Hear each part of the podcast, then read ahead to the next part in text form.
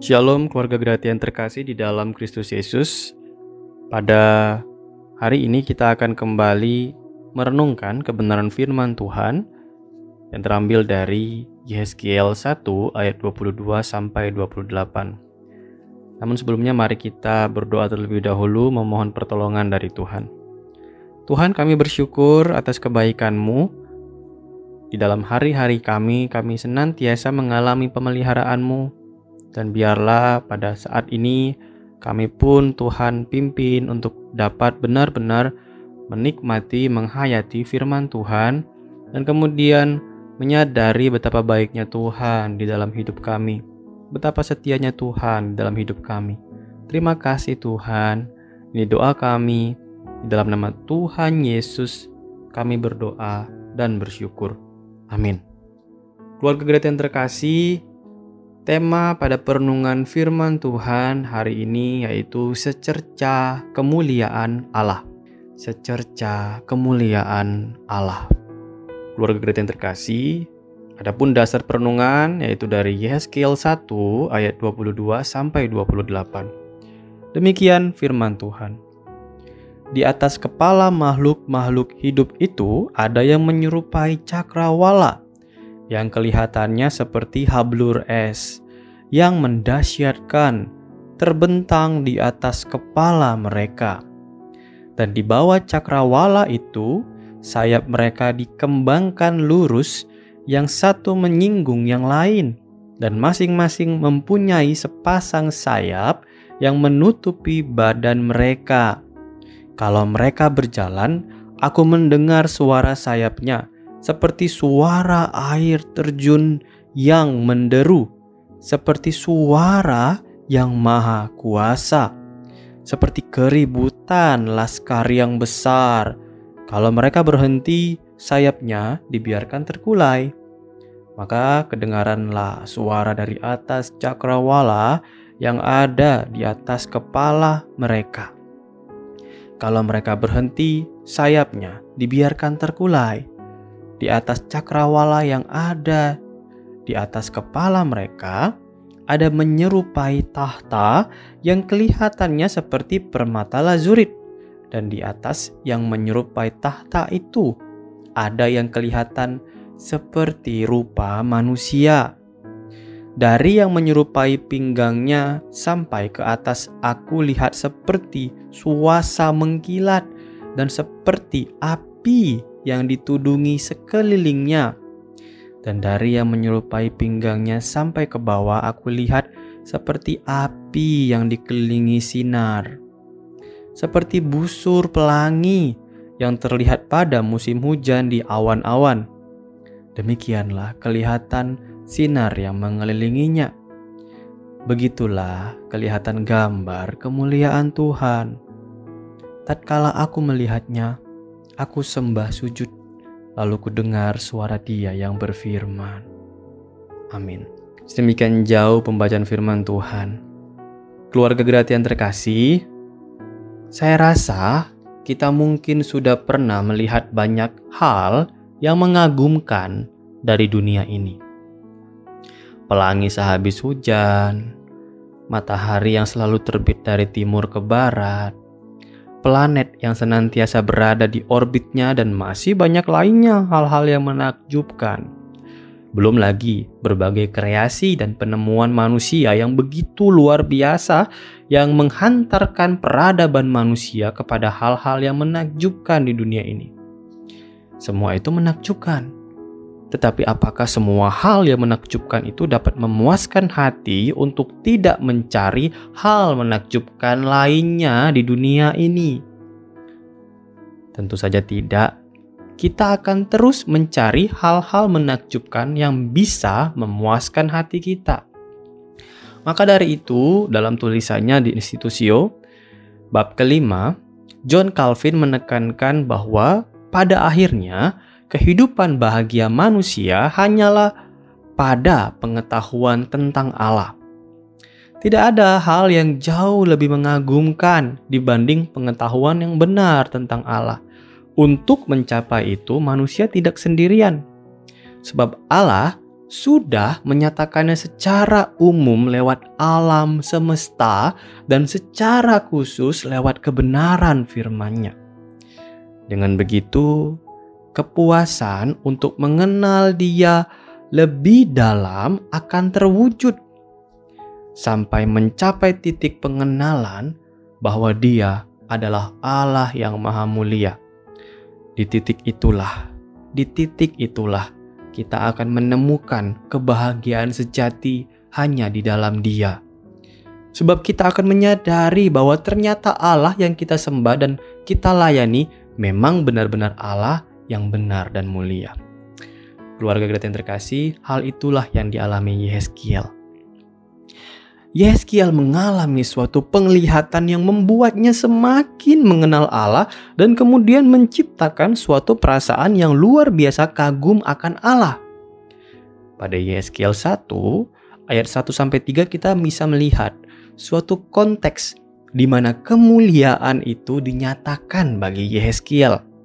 Keluarga yang terkasih, di tepi sungai Kebar itu kira-kira sekitar 200 mil sebelah barat utara Babilonia yang mana wilayah itu pun adalah miliknya bangsa Babel dan di situlah pula di wilayah itu kemuliaan Allah dinyatakan. Yang menarik adalah kemuliaan Allah dinyatakan jauh dari wilayah tanah Israel itu sendiri. Kemuliaan Allah itu pun digambarkan Yeskiel pada ayat 4 sampai 28. Suatu deskripsi panjang tentang tahta kemuliaan Allah yang senantiasa dikelilingi oleh malaikat kerubim. Penglihatan itu diawali dengan badai yang menghancurkan utara, kemudian diikuti oleh penggambaran empat makhluk yang pada pasal 11 ayat 22 itu diungkapkan sebagai para kerubim. Malaikat kerubim dan tahta serta keberadaan Allah berada di atas para malaikat kerubim itu. Tentang semua itu, Yeskiel menggambarkannya dengan megah dan mulia untuk merepresentasikan betapa agung dan mulianya kehadiran Allah.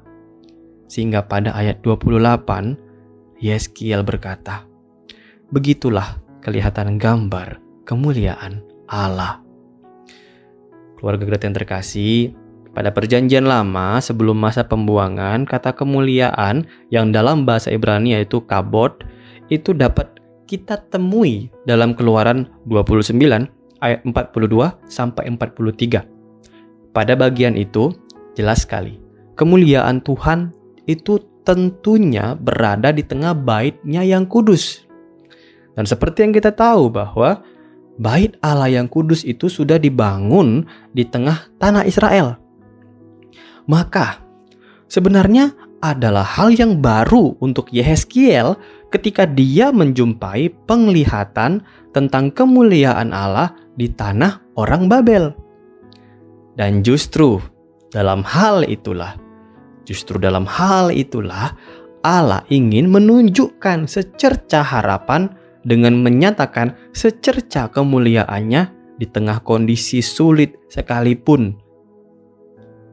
Hal itu ditegaskan dengan firman Allah pada Yehezkiel di pasal 11 ayat 16 yang berbunyi, Walaupun aku membawa mereka jauh-jauh di antara bangsa-bangsa dan menyerakkan mereka di negeri-negeri itu, dan aku menjadi tempat kudus yang sedikit artinya bagi mereka di negeri-negeri di mana mereka datang.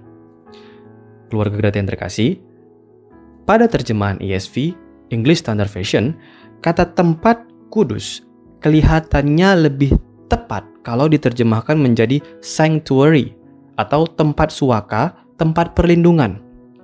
Ini artinya, di balik semua teguran keras dan hukuman yang diizinkan Allah, di balik kondisi yang sulit di tanah pembuangan, Allah masih berada di tengah-tengah umat yang dikasihinya itu.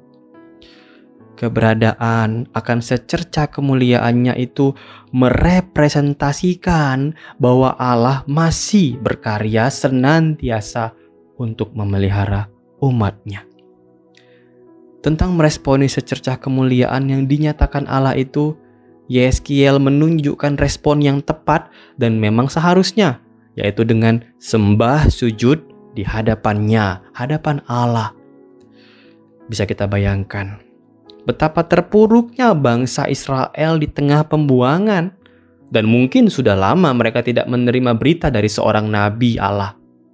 Namun secerca kemuliaan Allah tersebut yang diberitakan Yeskiel di sepanjang nubuatannya nanti itu akan menjadi sukacita yang seharusnya membuat bangsa itu sembah sujud seperti yang sudah Yehezkiel lakukan dan alami ketika memandang Allah di dalam penglihatannya itu. Keluarga kita yang terkasih, buat kita yang hidup di masa kini, pernahkah kita menyadari betapa mulianya Dia? Pernahkah kita menyadari betapa mulianya Allah kita?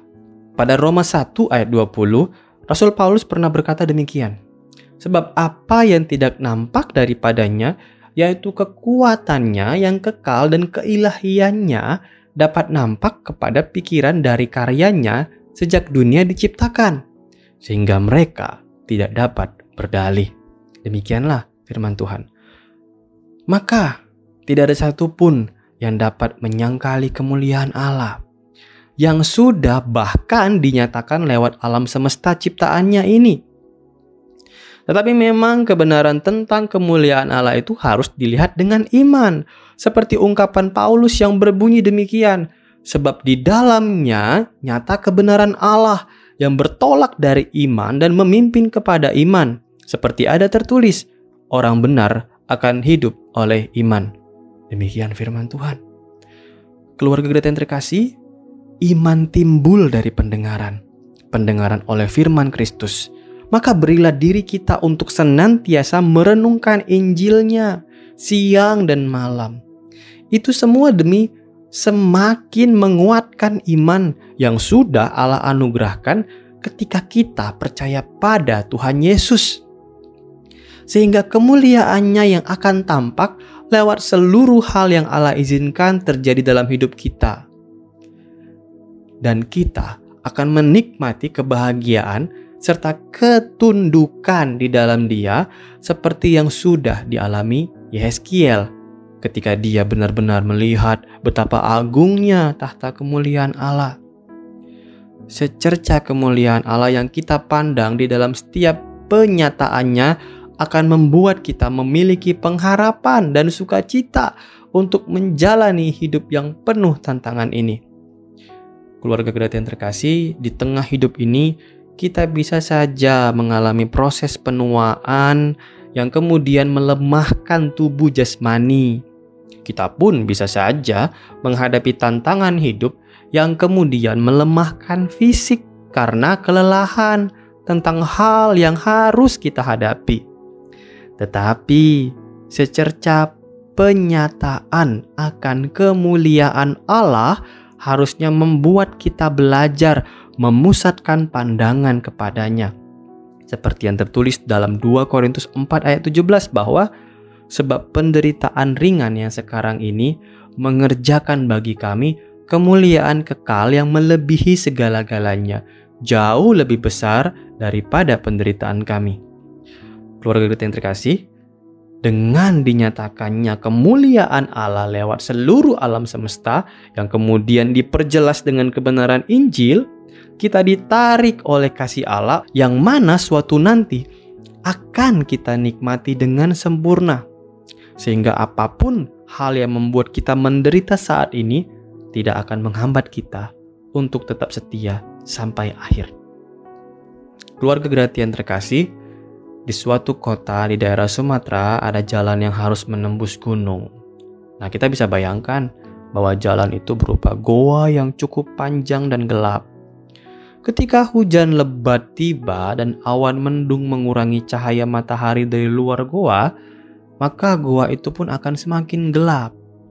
Namun, sekalipun demikian, cahaya dari ujung goa akan pasti jauh lebih terang daripada yang ada di dalamnya dan yang biasanya ditunggu pengemudi, yang paling ditunggu pengemudi adalah secercah cahaya dari ujung goa yang menjadi tanda bahwa sebentar lagi jalanan yang gelap itu akan berakhir. Keluarga Gedat yang terkasih, kalau hari ini kita merasa bahwa kesulitan hidup ini seolah tiada ujungnya, maka pandanglah kemuliaan Allah yang sudah dipastikan untuk kita nikmati. Tidak perlu menunggu sampai harus nanti kita bertemu dengan Dia di kerajaan sorga. Karena kalau kita mau dengan iman menghayati kebenaran firman-Nya, kita akan mampu menyadari betapa mulianya Dia di dunia ini. Dengan begitu, kita akan semakin percaya kepadanya yang sedang memelihara kita hingga saat ini sehingga kita akan mampu berjalan dengan keyakinan pada firman-Nya yang berkata bahwa masa depan sungguh ada dan harapanmu tidak akan hilang. Jadi, secerca kemuliaan Allah yang dapat kita nikmati lewat iman di tengah hidup ini harusnya memimpin kita kepada secerca harapan untuk hidup di dalam kemuliaan yang sempurna bersama Kristus nanti. Keluarga kita yang terkasih, Kiranya Allah Roh Kudus menolong kita untuk senantiasa menikmati kehadiran Allah yang penuh kemuliaan di tengah seluruh kondisi sulit sekalipun. Amin. Mari kita berdoa. Tuhan, kami bersyukur untuk kebenaran firman Tuhan. Biarlah kami boleh senantiasa memandang kemuliaan Tuhan di tengah kondisi sulit sekalipun. Biarlah firman Tuhan yang sudah Tuhan nyatakan lewat kebenaran Alkitab dan biarlah dengan iman kepada Yesus Kristus kami selalu memandang betapa mulianya Tuhan dalam hidup kami yang begitu baik memelihara kami.